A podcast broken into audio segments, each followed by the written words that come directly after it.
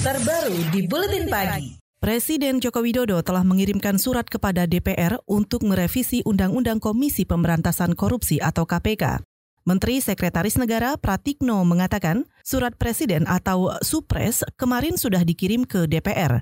Pengiriman Supres ini menjadi awal pembahasan rancangan Undang-Undang KPK antara DPR dengan pemerintah. Pemerintah sekali lagi Pak Presiden selalu mengatakan bahwa institusi KPK adalah uh, lembaga negara yang independen yang dalam hal pemberantasan korupsi punya kelebihan-kelebihan dibandingkan dengan lembaga pemberantasan korupsi yang lainnya. Jadi itu yang selebihnya Pak Presiden ingin akan menjelaskan lebih detail mengenai hal ini. Menteri Sekretaris Negara Pratikno juga memastikan isi daftar inventaris masalah dari pemerintah sangat berbeda kalau dibandingkan dengan draft revisi Undang-Undang KPK yang diusulkan DPR. Saat ini, saudara, beredar draft revisi ke media. Sedikitnya ada 21 materi yang dipersoalkan, mulai dari pegawai KPK yang tidak lagi independen karena status pegawai yang berubah, KPK yang akan menjadi lembaga eksekutif, perlunya minta izin ke Dewan Pengawas sebelum menyadap, menyita, dan menggeledah, penyadapan yang hanya bisa dilakukan pada tahap penyidikan dan masih banyak lagi. Koalisi Masyarakat Sipil Anti Korupsi curiga ada skenario matang untuk mencabut wewenang KPK menerima pendaftaran dan memeriksa kekayaan pejabat atau LHKPN sesuai revisi Undang-Undang KPK.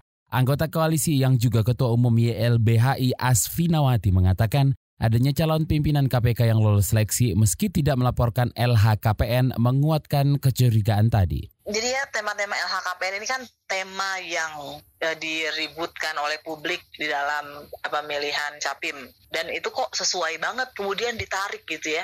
E, padahal kita tahu misalnya juga ada e, ketika ada orang yang ada calon-calon yang tidak mau tidak mau memberikan LH, LHKPN dan iakan gitu oleh pansel, pansel bilang ya itu pertama tidak perlu atau itu nanti tapi ternyata sekarang mau dicabut skenario nya memang nyambung Koalisi Masyarakat Sipil Anti Korupsi Asfinawati juga mempersoalkan draft materi usulan revisi Undang-Undang KPK tentang adanya Dewan Pengawas KPK.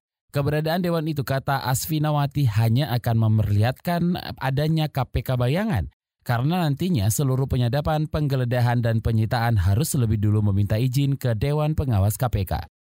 Usulan mengatur penyadapan yang baru bisa dilakukan ketika KPK melakukan penyidikan dinilai sangat mempersempit ruang gerak KPK.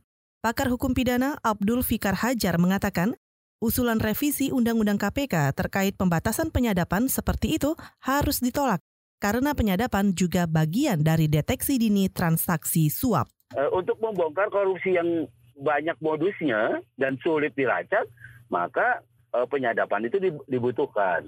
Dan paling dibutuhkan penyadapan sebenarnya di tingkat penyelidikan.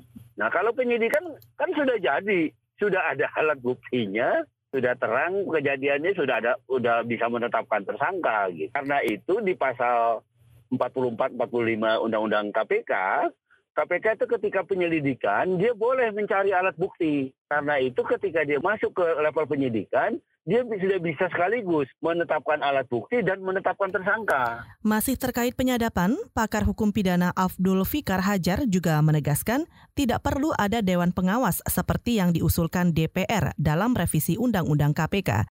Karena sistem penyadapan di KPK sudah baik dan KPK juga bisa melakukan audit sendiri serta bertanggung jawab langsung ke Kementerian Kominfo.